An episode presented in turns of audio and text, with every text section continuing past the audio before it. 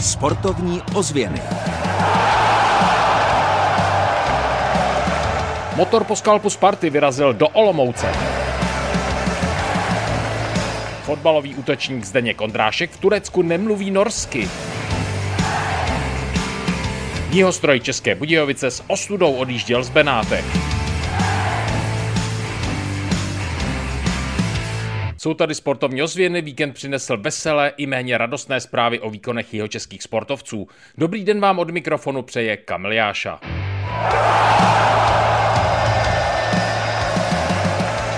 Sportovní ozvěny s Kamilem Jášou.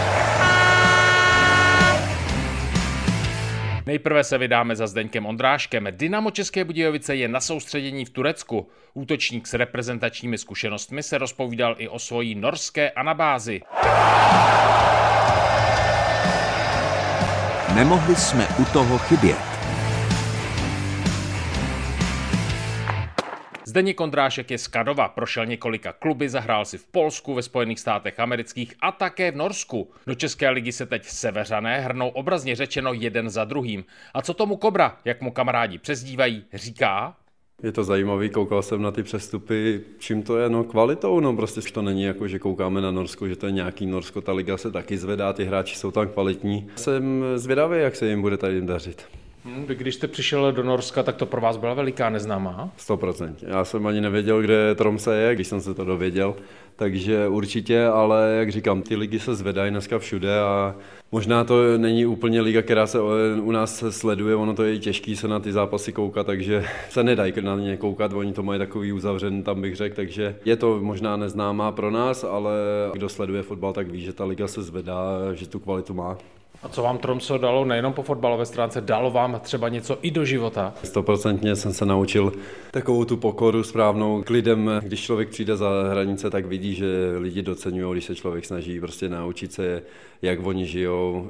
Řeč je trošku těžší tam se naučit, ale... No mimochodem, umíte něco norsky? A jenom ty špatné slova. ne, tak umím eh, dobrý den, jak se máš a takhle, ale já když jsem tam vlastně přišel, jak jsem neuměl ani anglicky, takže jsem víceméně preferoval tu angličtinu a tam hlavně malí děti od mala umí anglicky, takže oni prostě mají ve škole norštinu, angličtinu a pak teprve si ještě dobírají Němčinu nebo francouzštinu, takže pro ně anglický malí děti, říkám, jsem tam přijel, čau, jak se máš, jo, dobrý, všechno pohodě a já na ně koukal jak na vejra. Takže to bylo vtipné, ale to se mi líbí zase, oni třeba v televizi všechno mají anglicky, jenom s titulkama, takže to taky člověka naučí a, a život je nejlepší učitel. Takže určitě mi to dalo hodně a vždycky na to budu dobře vzpomínat. A Norové samozřejmě sledují třeba zimní sporty, jak jsou na tom při sledování fotbalových zápasů. Jak mají rádi fotbal? Milují fotbal. Já si myslím, že samozřejmě ty zimní sporty, protože tam ty podmínky na to mají, na tu zimu všichni vlastně jezdí na lyžích, fotbal taky, myslím si, že i ta návštěvnost se teď zvedala hodně. Co jsem koukal, Tromse se teď zase suprově vlastně dostalo na třetí místo, kdy budou bojovat o poháry, takže tam taky na tom malém stadionku, který je víceméně jak u nás v Budějcích, chodilo skoro furt plno, takže já si myslím, že to jde všechno nahoru.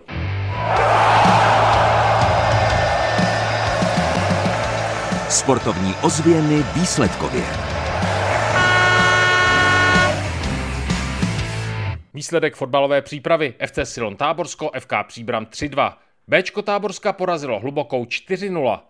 V extralize volejbalistů se jeho stroj České Budějovice vůbec nepovedl zápas v Benátkách nad Jizerou.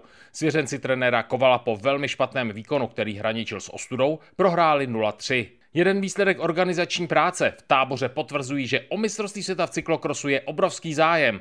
Tady jsou slova šéfa organizačního výboru a prvního muže českého cyklokrosu Petra Baloga. Já si myslím, že to je jednoznačně největší sportovní akce v Jižních Čechách a přiláká spoustu fanoušků sportu, nejenom cyklokrosu a očekáváme návštěvu kolem 50 tisíc diváků a bude to opravdový svátek. Interliga házenkářek, Písek Dunajská středa 22.30.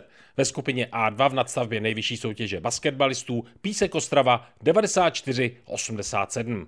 Hokejové informace zahájíme připomínkou pátečního triumfu motoru nad Spartou. Výsledek 5-3 nadchl vyprodanou Budvar Arénu. V Olomouci v neděli večer motor prohrál 2-3 po samostatných nájezdech. Tabulka. Při pohledu do tabulky se tentokrát rádi vracíme k oblíbenému seriálu, kdy s vámi procházíme fotbalový jeho český podzim. Dnes je na řadě první B skupina C. První místo Sokol Planá nad Lužnicí 30 bodů, druhé místo Chotoviny 28 a třetí pozice Sepekov 26 bodů. Pozor ale stejný počet, tedy 26 bodů, nazbírali také Větrovi.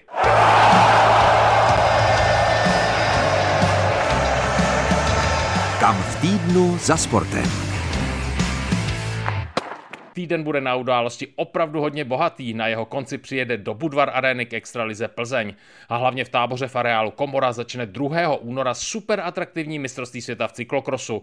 Trať si při mistrovství republiky vyzkoušel i Zdeněk Štybar. Takhle vyzkoušet si trať mistrovství světa už při závodě v závodním tempu, tak je vždycky obrovská výhoda. Tak uvidíme, jak se Zdeňku Štybarovi bude na trati v areálu Komora při mistrovství světa dařit. Od mikrofonu vám klidný týden přeje Kamil Jáša.